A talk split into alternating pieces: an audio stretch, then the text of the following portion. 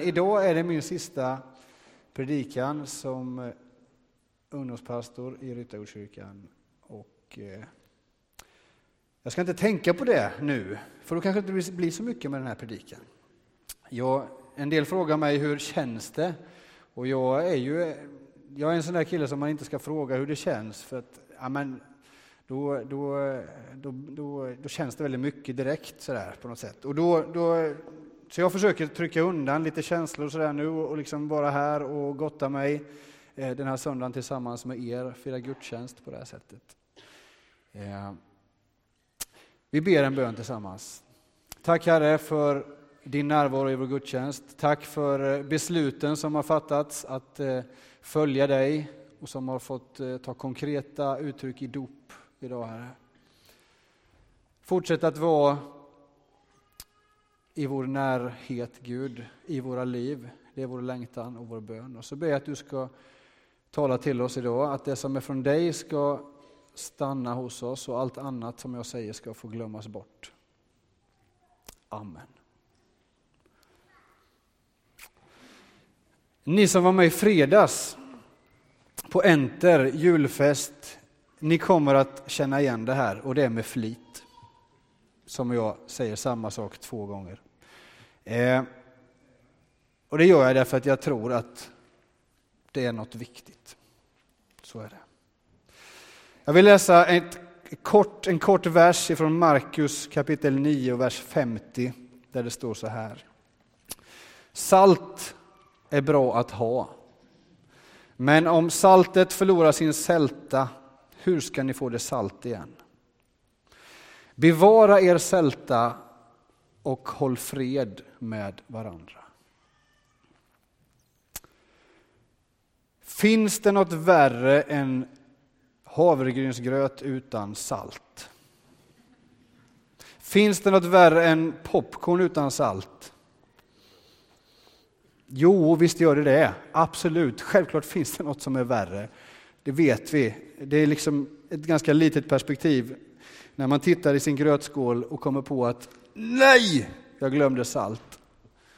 Men saltet har ju en betydande avgörelse i vår matlagning. Som småbarnsföräldrar så har vi nu äntligen börjat lämna den här tiden då man inte liksom helst ska salta för mycket i maten. Och det är ju en sån glädje att få krydda på igen liksom och känna att ja, vi äter tillsammans och måste inte hålla på med massa specialgrejer och sådär. Eh, det är inte så att det blir liksom salt i allt, men eh, ni vet, den där trista gråa perioden när man liksom håller på att trixa med det här för att inte barnen ska få i sig eh, det som då är rekommenderat att de inte ska ha i sig och så vidare. Och så håller man på, men nu kan vi liksom vara lite mer frimodiga med saltandet och det, det gläds vi åt. Eh, den här korta texten, den korta versen, är ju inte hämtad ifrån någon kockduell på tv eller någon smaskig julkokbok, utan det är ju Jesus som säger till sina lärjungar. Han eh, talar om att det finns något som kan gå förlorat i vårt lärjungaskap, nämligen sältan. Salt är ju någonting som påverkar sin omgivning. Och salt inte bara har en funktion utan är ju liksom till sitt väsen funktion. Om det inte är salt längre, då är det ju inte salt. Liksom. Då är det ju någonting annat. Och det här måste Jesus ha vetat om, att salt rent fysiskt inte, inte längre är salt om det mister sin sälta. Men det man tänker att Jesus liksom ser framför sig när han pratar om saltet, eh, det har nog att göra med matlagningen på den tiden. Därför att då hade man salt i små tygpåsar, har jag läst. Och eh, så la man tygpåsen i grytan som man lagade och så stack saltet ut igenom eh, tygfibrerna sådär och saltade maten. När man skulle fylla sin tygpåse med sand, då gick man kanske till havsstranden och eh, tog saltet från stranden. Och det var oundvikligt att få bara salt. Det smet ju alltid med en del sandkorn. Och så knöt man ihop det där och använde hemma. Och så smet saltet igenom fibrerna men sanden blev kvar i påsen. När Jesus säger att man kan mista sin sälta så kan det ha att göra med bilden av den här saltpåsen. Att när saltet är slut i påsen, då finns det bara sand kvar. Och det är ingenting värt i matlagningen. Det ger ingen effekt, gör inget avtryck i koket, utan det duger bara att kastas bort. När Jesus använder den här bilden, den här metaforen av salt, när han talar till sina lärjungar och säger att ni är jordens salt, så tänker jag att ja, han har säkert flera poänger, det har han ju, men en av de viktiga delarna handlar om att eran tro är inte till för er bara. Eran tro är tänkt att påverka er omgivning och era relationer och människor som ni möter. För det är ju precis det som salt gör, det påverkar sin omgivning. Det gör någonting med sitt sammanhang. Och Jesus vet att tron på honom måste också få påverka sammanhanget som vi rör oss i, som hans lärjungar finns i. Vad hörde då människorna som lyssnade till Jesus när han sa det här? Lärjungarna, folket som liksom stod bredvid och kanske var lite på avstånd och hörde att han sa någonting om salt. Det finns säkert mycket de tänkte. Jag tänker på fem saker. Och det första tror jag hade att göra med deras, framförallt lärjungarnas direkta liksom, livssituation. De kommer ifrån att ha varit fiskare och jobbat med fisk. När man tog upp fisk från Genesarets sjö, det var ganska mycket fisk, så var man tvungen att bevara den blivande maten på något sätt. Och då tog man salt och kastade liksom in i fiskmunnarna, fyllde fisken med salt för att den inte skulle förstöras, för att inte födan skulle bli hälsofarlig.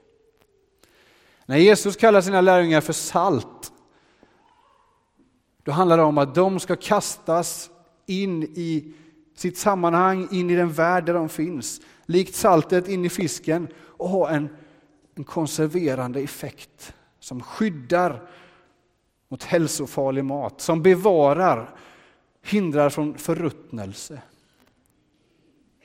Saltet hindrar förstörelse, det konserverar och bevarar så att det inte förstörs. Den andra saken som jag tror att de tänker på och som kanske vi också tänker, det är att salt, det skapar törst. Man är ju aldrig så törstig som när man har ätit en, en kebabpizza på kvällen innan och sen vaknar någonstans mitt i natten och liksom bara undrar vad det är frågan om. Man har fått i sig mängder med salt och så måste man dricka och fylla på med vatten. Salt skapar törst. Och Det finns ju något hos Jesus som skapar mer smak. Och Den här funktionen skulle lärjungarna ha i den värld där de gick fram. Att skapa en längtan efter Jesus. Att skapa en, en törst. I Apostlagärningarna så kan vi läsa om hur människor drogs till lärjungarna. Därför att det var någonting med deras liv som lockade. Så här står det i Apostlagärningarna kapitel 2 att lärjungarna prisade Gud, var omtyckta av hela folket och Gud lät var dag nya människor bli frälsta och förena sig med dem. Det var någonting bland Jesu lärjungar som gjorde att man lyssnade när de talade. Det skapades ett intresse därför att deras liv och deras ord hängde ihop. De skapade en törst efter en mening med livet, efter ett liv tillsammans med Gud. Salt skapar törst. Salt har ju också en funktion och det tror jag att även lärjungarna och folket som hörde när Jesus sa detta, jag tror att de tänkte på att saltet förhöjer ju smakupplevelsen. Och inte bara liksom den, den gröt som man äter, ja det är inte så mycket mer ingredienser i havregrynsgröten just. Men när man tillsätter salt i matlagning så förhöjer det också smaken på andra ingredienser. Och jag tänker att lärjungarnas uppgift också var att förhöja livets olika ingredienser, smaken på livet, därför att man får se livet med Guds ögon. Man får får lära sig att tolka det som händer i livet utifrån Guds perspektiv och därmed smakar livets olika ingredienser på ett annat sätt. Saltet lyfter fram en annan upplevelse i hela koket.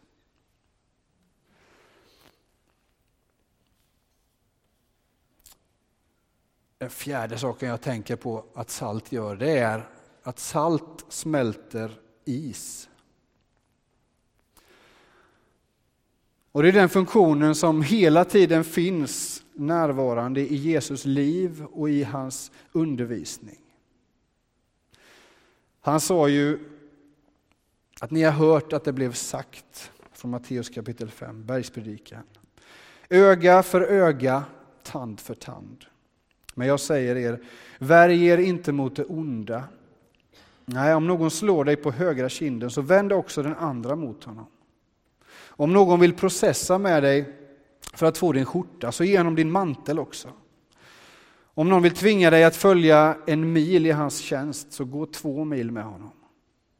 Ge åt den som ber och vänd inte ryggen åt den som vill låna utav dig. Jesus närvaro smälter ner kyla. En kyla som vi människor många gånger har orsakat i vår värld. Jesus tar död på hämnden genom att ersätta den med fullkomlig kärlek. Salt verkar för fred på vår jord. Salt har den effekten genom att den smälter ner hårda hjärtan, kalla hjärtan. Och Jesus lärjungar fick den rollen, har den rollen, att smälta, att skapa fred, att komma med, med kärlek istället för hat, kärlek istället för hämnd. Salt smälter is. Den femte saken jag tänker att de tänker på handlar om att salt renar sår. Jesus är den som renar och helar både yttre fysiska skador och sår, men också inre sår. Och genom hans lärjungar så skulle budskapet om förlåtelse, upprättelse och helande genom Jesus nå ut till alla folk. När eh, Petrus och Johannes möter den lama mannen vid sköna porten han ber dem om pengar. Så svarar Petrus, ah, men du, silver och guld det har jag inte. Men det jag har, det ger jag dig. I Jesu namn, stig upp och gå. Och den här mannen reser sig och får hälsa i sin kropp, blir helad. I Jesu fotspår så följer en helande tjänst för människors skull. Och Jesus lärjungar har alltid bett för sjuka. Har alltid rört vid de människor som ingen annan vågar röra vid. Man har rest till smittohärdar runt om i världen och varit först på plats. Därför att det skulle Jesus ha gjort om man har följt honom. Man har byggt sjukhus, man har utfört operationer och på så sätt följt Jesus till en värld som är trasig, till människor som behöver helande, i sina sår, både yttre och inre. Salt har en förmåga att rena och hjälpa till med läkedom.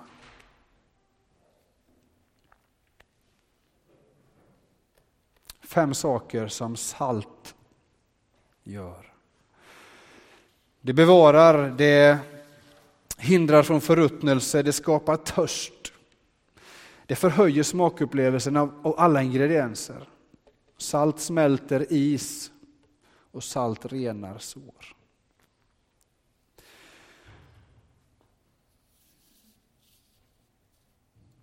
Salt påverkar och gör något med det sammanhang det finns i. Det sammanhang där vi lever i. Men det verkar alltså vara så att någonting kan gå förlorat, nämligen sältan. Alltså, så som saltpåsen som används i matlagning till slut så tar det slut och det finns bara sand och liksom grus kvar. Och Jesus han varnar sina lärjungar för det här att sältan kan ta slut. Bevara eran sälta, för om ni inte gör det så duger det ingenting till. Då kan det kastas bort och trampas av människor. Så hur gör vi då för att bevara våran sälta? Jag tror att ett sätt, förhoppningsvis finns det flera sätt att göra det, men ett sätt handlar om att vi vågar anta utmaningar i våra liv. Vågar göra saker som kräver att vi är totalt beroende av Gud. Ingen backup, liksom, inte liksom några säkerhetslinjer, utan att man faktiskt kliver ut i situationer, i sammanhang, uppdrag, eh, olika saker där vi inte riktigt känner oss bekväma. Att våga ta de utmaningar som Gud lägger framför dig. Det tror jag är ett sätt att bevara sin sälta. För någon kan det handla om att våga stå för sin tro. Att faktiskt våga svara de som frågar, de som undrar, vad är det med dig? Jo, men jag tror på Jesus. För en annan kan det handla om att man vågar be för någon som är sjuk.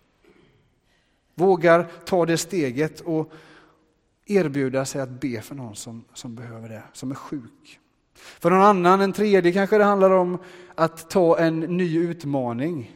Att eh, ta en kallelse på allvar och kliva in i någonting nytt. Jag tror att det kan vara olika saker för oss alla, beroende på var vi står. Jesus är personlig med oss. Men jag tror att han ständigt utmanar oss därför att vi behöver bevara våran sälta. Slappa inte eran iver, står det i, i Romarbrevet utan tjäna Gud. Slappa inte er iver. Det är lätt att göra saker som man är van vid, som man tycker är bekvämt och som kanske inte liksom kostar så mycket. Men då tror jag att risken är att vi förlorar våran sälta.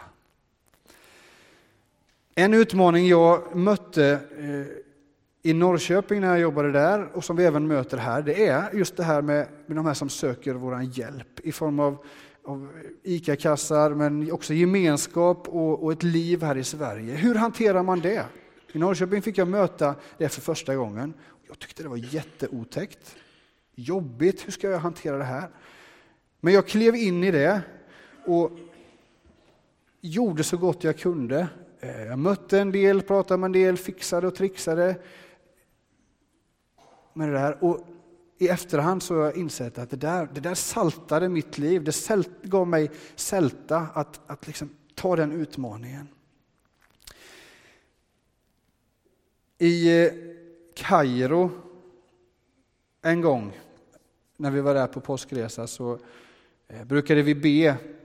Vi var där tillsammans med ett ungdomsteam och vi brukade be som vanligt på morgonen om, om eh, vad vi skulle möta under dagen, vad Gud hade för oss den här dagen. Och bland annat så, så var det någon av oss som fick en, en bild eller en idé om en man med, med kryckor.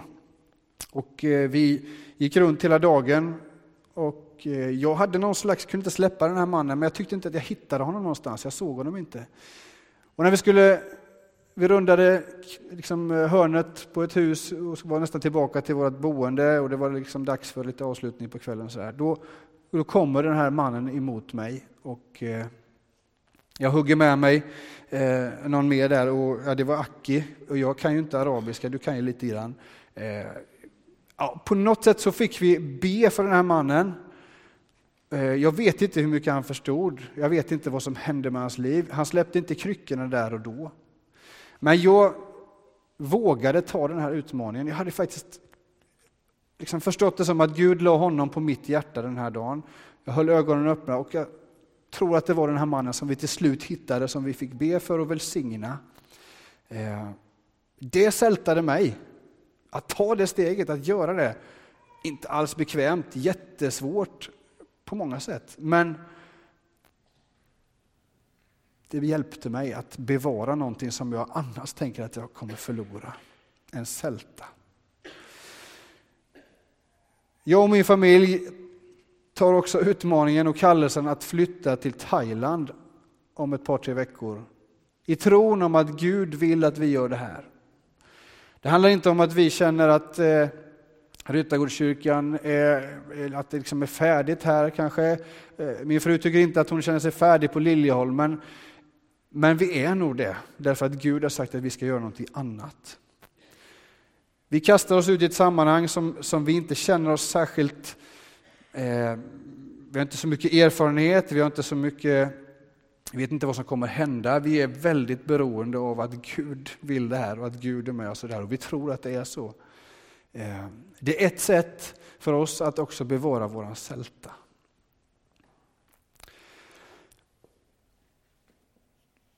Jag tycker, mina kära vänner här, att vår tid tillsammans i Ryttargårdskyrkan har varit sältande.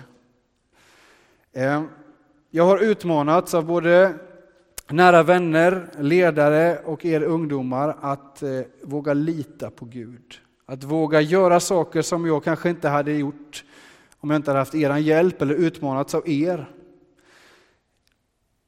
Jag tror att vi tillsammans, det har varit nästan fem år som jag har varit här, jag tycker att vi tillsammans har utmanats och eh, fått göra och vara med om saker som, som vi kanske inte hade fått om vi hade suttit i vår slapphet och inte liksom tagit de här utmaningarna. Det har varit väldigt välgörande för mig personligen och för min familj att få vara en del av gemenskapen i Ryttargårdskyrkan och att få vara eran pastor. Jag tror och vet att den här perioden har varit, det har varit sältande för mitt liv. Det har varit utmanande många gånger. Men jag vet att det har varit gott för mig och för mitt uppdrag och för mitt lärjungaskap att få vara hos er och med er. Och jag vill uppmuntra er att fortsätta söka de här situationerna. Fortsätta att utsätta er för de utmaningar som Gud lägger i er väg.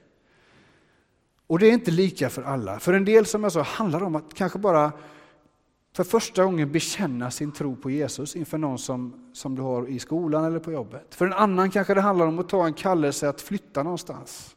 Därför att Gud vill att du ska vara någon annanstans och vara salt. Det är olika.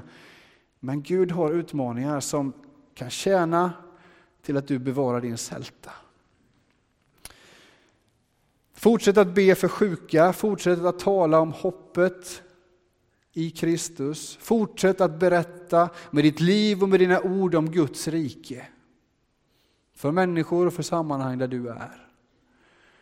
När Jesus säger att ni är jordens salt så är det inte bara till de lärjungar han hade för 2000 år sedan, utan det är till oss. Vi är tillsammans med Jesus jordens salt.